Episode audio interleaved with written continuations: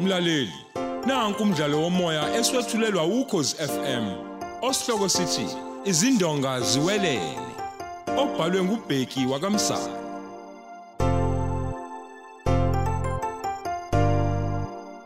nasi isiqephu samashumi amane nanye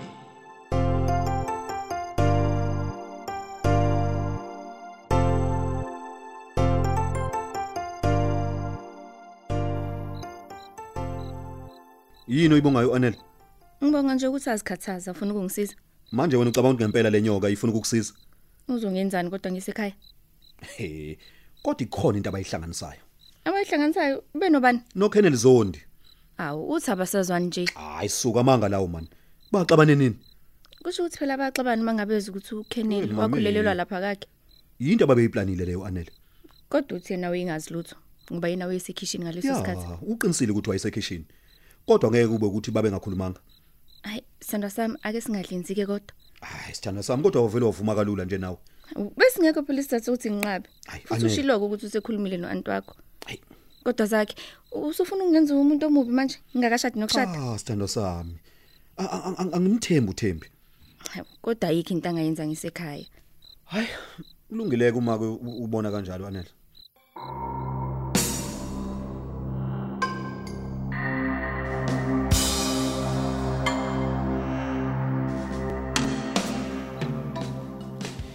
Ey, u- uyazi lapha kade ngikhuluma nomahlobo nozakhe mayelana nokuthi wayekephi udade wenu ngesikhathi efonwe engatholakali. Mm, empeleni ngeke ngakhuluma nozakhe.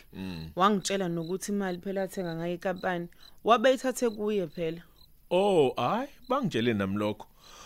Kodwa ke angakutshela ngakhona ukuthi bayazi ukuthi ubaba wakho wabulawa ngubani futhi kanjani. Bayazi nobani? Mm, Benomahlobo. Pho pho abayanga ngane emaphoyiseni? Hayi amaphoyisa ayazi. Mhlawumbe angithi nje uCaptain Mkhize uyazi. Futhi nomuntu nje owabulala ubaba wakho bambopha. Washo ukuthi ke wayeseqashiwe ukubulala uzakhe ukuze kuphume udadeweni lapha endlini yakhe. Hayibo. Umkhize phela wayefuna babanje oqotsheni bese bethwesa necala lokubulawa kababa wakho. Bathe basukeke bavele bajika esikhaleni nje bangabe besaqhubeka nohlelo lwabo nenkabi le. Hayibo. U- u- Uzakhe yena ungitshelile. Angangitshelanga khona ukuthi iyona futhi lenkabe yabulala ubaba. Eh Ithi yayimbulalelana ubaba. angithi phela ubuso wayefuna ifa ngoba wena usukhishiwe feni Manje ke kuzokwenzakalani?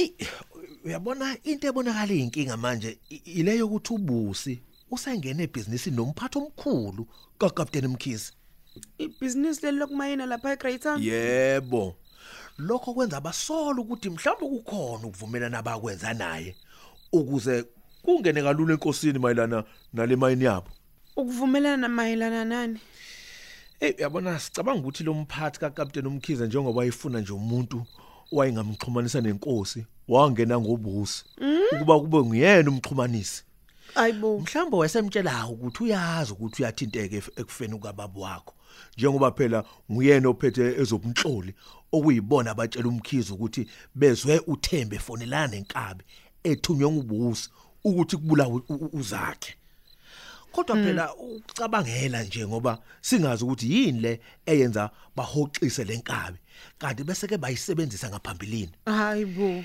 into ke siyisolayo ukuthi ubusi kwangeke kube lulu ukuthi angene enkosini ngingekho mina manayi ufuna ukusilokhu ukukhulelwa kwakhe isigubhukane kwakuwuhlelo lokuthi akwazi ukungena kini hayi sicaba kanjalo sonke ngiyakuzwa kodwa engingaqondi wayenasiqiniseko kwesini sokuthi umelela nawe uzekhulelwa anganani ngaqala ukulala lutho sasingaqali kwakhona pho sonke lesi sikhathi ubengamithe ngani hayi man uyazi kukhona into engifikelayo ke manje ngiyakubona ukuthi khonto oyicabangayo eh U- uyazi ngicabanga i- i- indaba kaDokotela U- uNdelo lo sanda kubulawa esanda oy ebula ngubani manje He. Hayi Indaba wena. kanje indaba kandelo nje i- iyadida.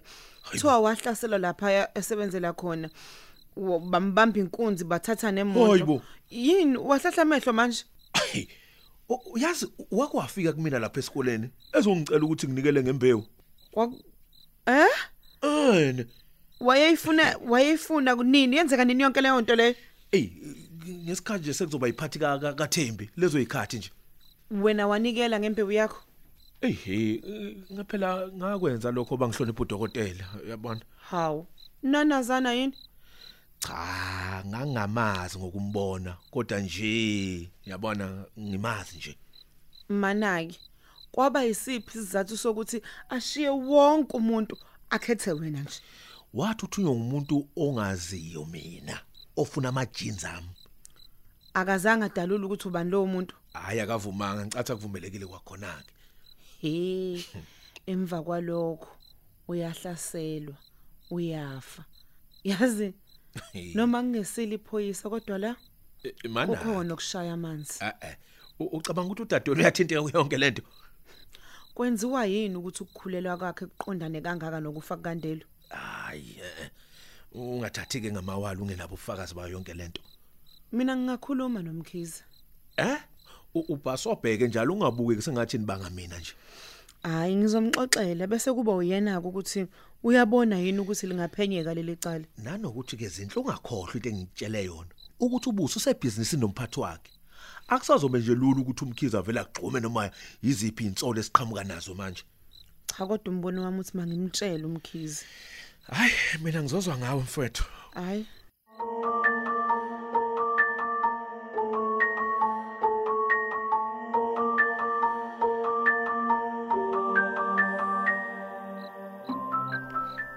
bosi Hmm. sengiphuma khona kwabona anele hawu sixoxelile nje saxoxa mayelana nokuya komsiza lapha ekhaya Awu, wavuma kodwa. hawu ubengenaso isizathu sokuthi anqabe futhi nje hawu ngenhlanhla wafika nozakhe sisaxoxa kanjalo Ehhe. Awu, kwangcono ke manje nihamba nini? yena uzohamba kusasa bese ngimlandela-ke mina ngosuku olulandelayo Oh, nihlangana edolobheni. yebo kodwa yazi eyi bengifuna ukuqasha umuntu nje ozosiza njengoba ngizobe ngiyingalena nje ekhaya lakhe ukuze izandla zami zihlale zihlanzekile nje uyabona Umqashephi umuntu? kona kufanele ngimqashe ngisakhona la kodwa kube ngathi wakhona ngale kompangeni Hmm.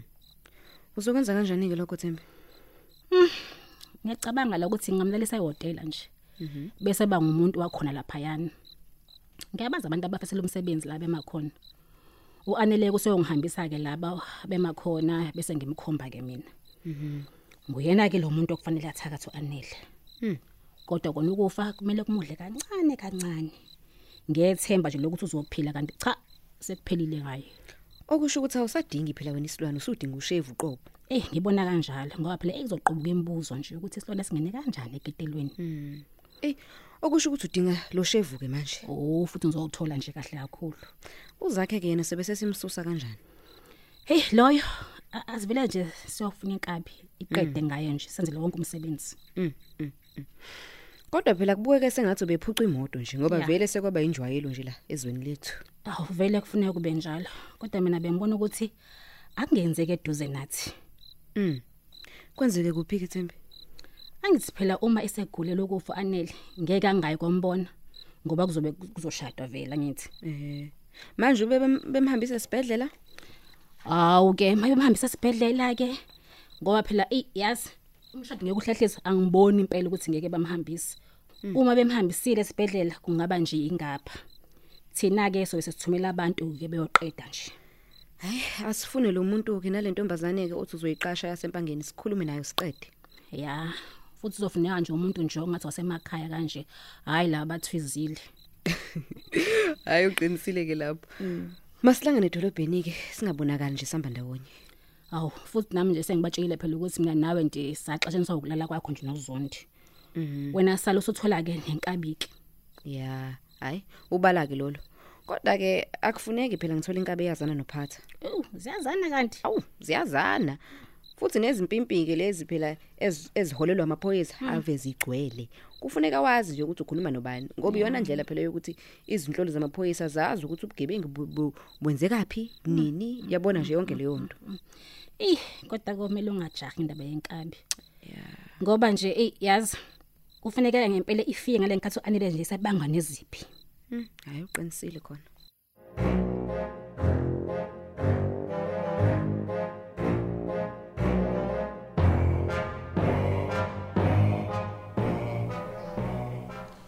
zindla yini leno ngibizele yona uyichaza njengento ephuthumayo Hey Cwabi, ya ngiyasola ukuthi ubusi lo wakhulela ngodokotela Ndewu. Ngembewu kaZondi ngaphambi kwephathi kaThembi.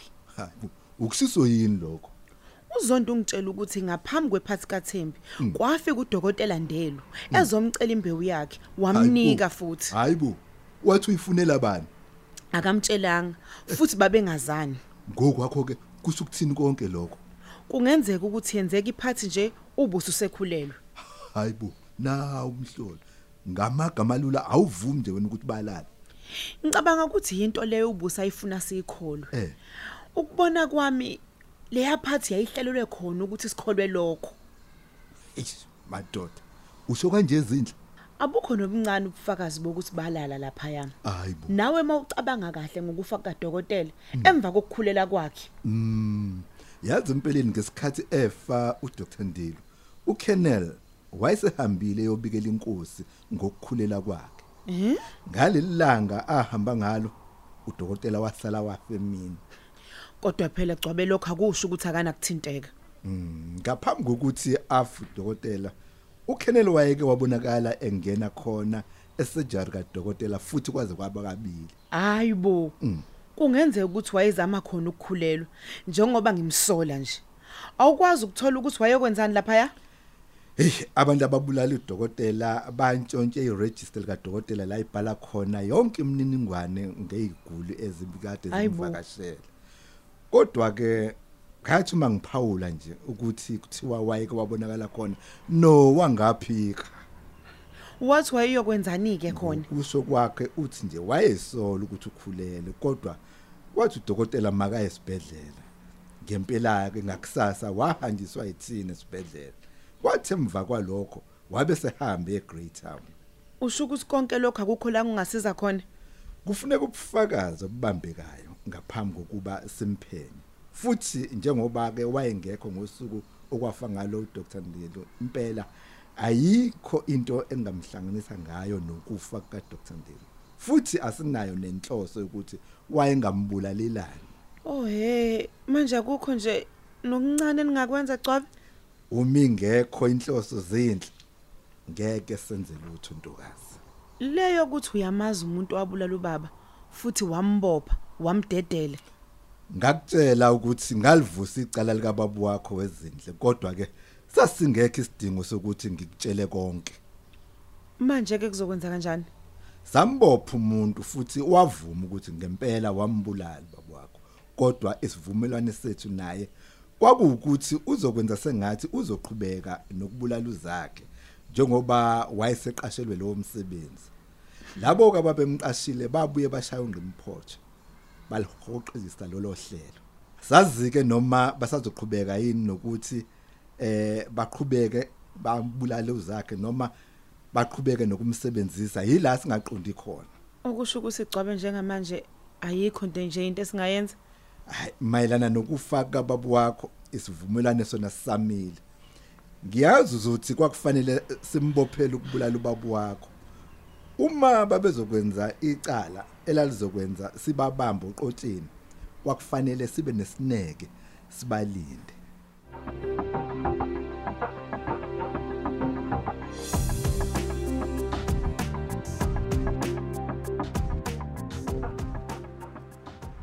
Haw, Captain, uphuma Yes, ukugijima la uthi uzinhle befuna ukubona.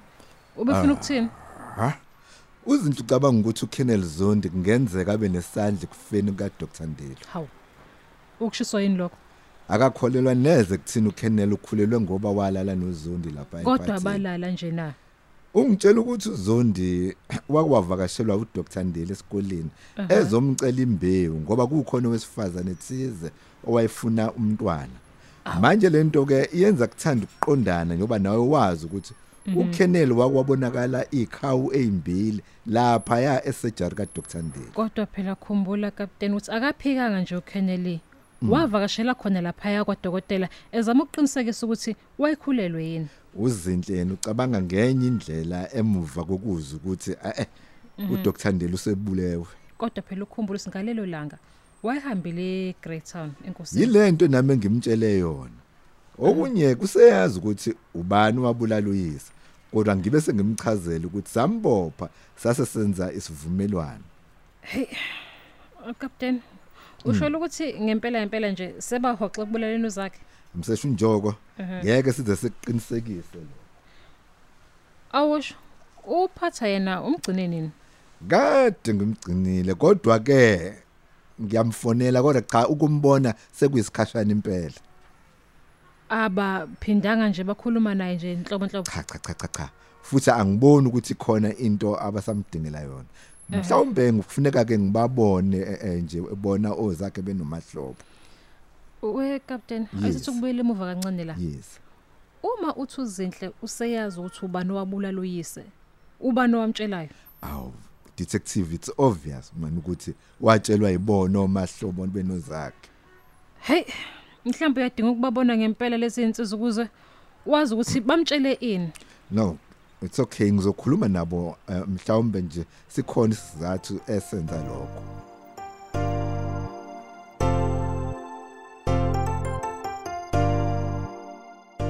Siubeka lapho umdlalo wethu womoya eswetshulelwa ukhozi FM. Osihloko sithi izindonga ziwelele.